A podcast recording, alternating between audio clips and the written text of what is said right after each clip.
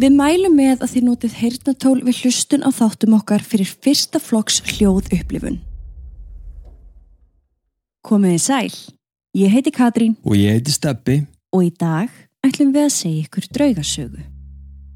Þegar að fótbolta tímabilinu lauk hjá nemyndunum í Odessa High School þá var lítið annað að gera á förstudagskvöldum en að hópast saman á skólalóðinni og drakka bjór. Þarna sátu þau í grasinu tímunum saman og sötruðu ódýrt áfengi sem einhver hafði náð að kaupa með fölsuðum skilríkjum. En þegar líða tók á kvöldið þá var alltaf einhver einn sem sagði eigum við að aðtuga hvort við getum komið auða á draugin. Sjáu til, í gegnum árin hafði nefnilega orðið upp í svo góðu sögn að á miðnætti, ef að nemyndur lögðu bílunum sínum á bílastæðinu á mótiskólanum og blikkuðu ljósunum þreysassinnum innum gluggana, þá myndi draugur ungra stúlku sem eitt sem var nefandi í skólanum byrtast. Þessi orðrumur um þessa stúlku hljómaði einhvern veginn þannig að hún hafi verið aktív í leiklistadeild skólans og stíð á svið ótal sinnum áður en hún létt lífið, annarkort með því að detta úr stiga og brjóta sér hálsin eða með því að hengja sig í einni skólastofunni. Sögurnar eru jafn misjafnar og þar eru margar. Þetta var orðin fastur leður hjá úlingum að gera, svo á endanum tóku skólastjórnundur upp á því að mála yfir gluggana að framanverðu. Þegar það dugði ekki til, þá voru múrsteinar settir fyrir framann gluggana til þess að hindra það að krakkarnir sæju innum gluggana. Og þó að það hafi vissulega dreigð úr þessum leik þeirra, þá gáttu skólastjórnundur ekki bara eitt sögunni um ungu stúlkuna. Nemyndur tala um að finna fyrir henni í leiklistasalunum og stundum heyra þeir fótatak fyrir aftan sig en þegar þeir líta við er engan að sjá. Í hvert skipti sem að ljósin flökta, þegar háfaði heyrist sem engin útskýringir á eða þegar bók skyndilega flýgur úr bókaskápnum þá er ungu stúlkunni kent um. Og það virðist vera að það sé ekki bara nemyndur sem að finna fyrir henni. Einn sagan hljómar þannig að aðstofaskólastjórin hafi eitt sinn séð stúlkuna seint um kvöld og eftir það hefur hann ekki þórað að vera einn inn í byggingunni. En málið er að þetta er ekki bara saga. Þessi stúlka var raunverulega til og hún dó á svo fyrðulegan hátt að fólk er enna klóra sér í hausnum og hugsa, getur það verið? Gerðist þetta virkilega svona? Þetta er sagan um Betty.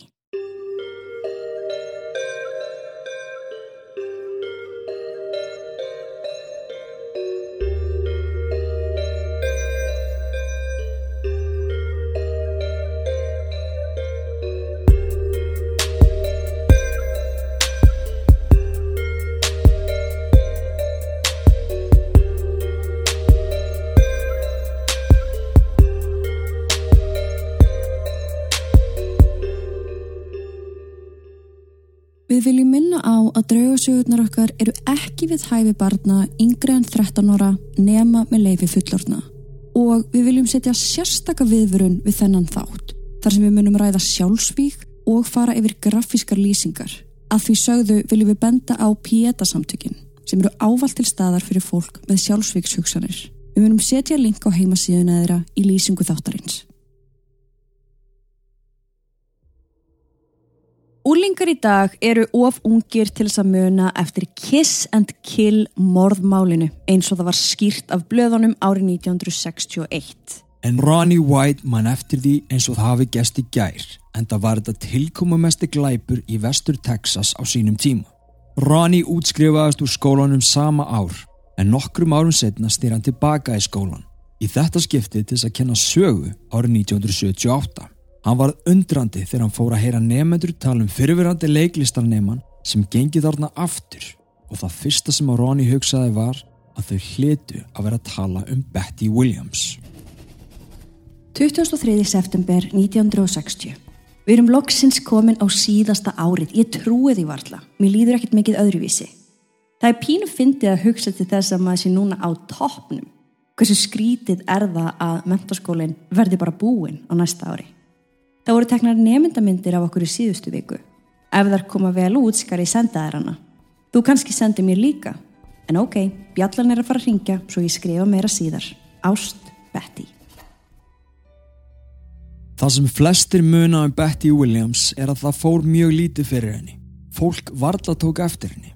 Hún bjó í litlu gömlu og illaförnu húsi skamt frá óljulindunum vestan við bæin. Já, og fadrinnar John var smiður sem átti erfitt með að fá fasta vinnu og móðurinnar Mary hafði fengið vinnu í matveruverslun til þess að hjálpa til að ná endum saman.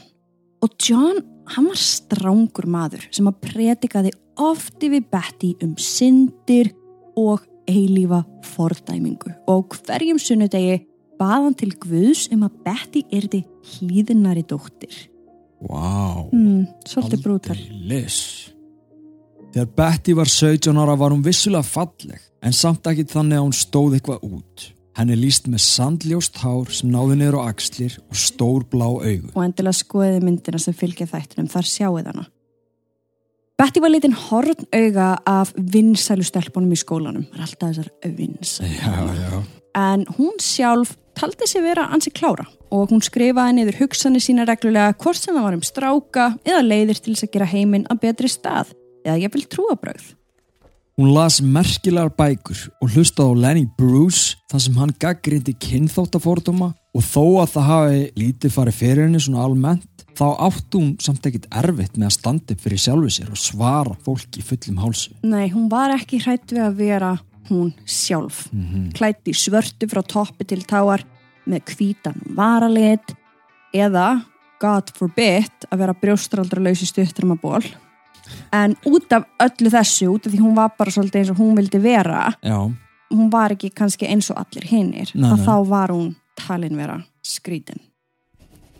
Flestir skilja mig ekki, skrifaði Betty til vinkonu sinnar í eitt skiptið. Það er fólk sem vill vera vini mínir, fáfrótt fólk sem skilur heldur ekki af hverju ég er eins og ég er.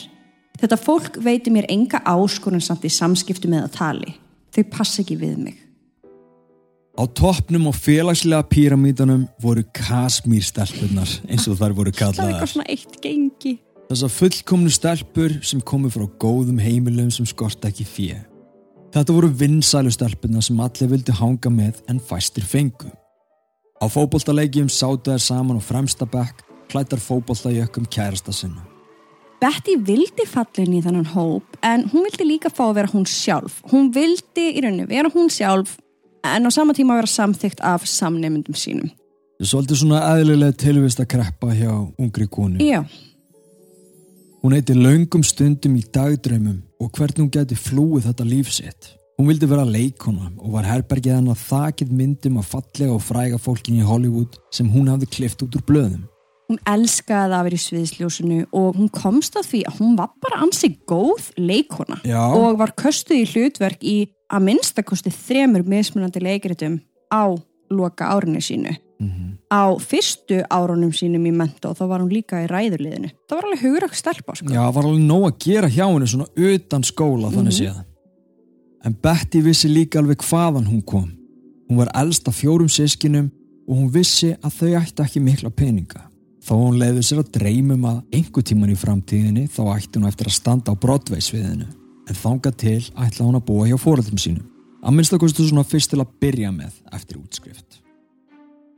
Hlustað á allan þáttinn inn á áskriftasíðinu okkar patreon.com skástrík draugasögur. Það er auðveldar en þú heldur og fáðu aðgang að yfir 350 þáttum, rannsóknum okkar, sönnunagögnum, viðtölum, mymböndum og okkar geysi vinsalu mánudags mínisögum ásamt alls konar aukaefni. Allt saman strax við skráningu. Engin binding og meiri sem sér app fyrir alla þættina til að auðvelda þér aðgengið. Svo eftir hver er þetta býða? Vilt ekki vita hvernig sagan endar?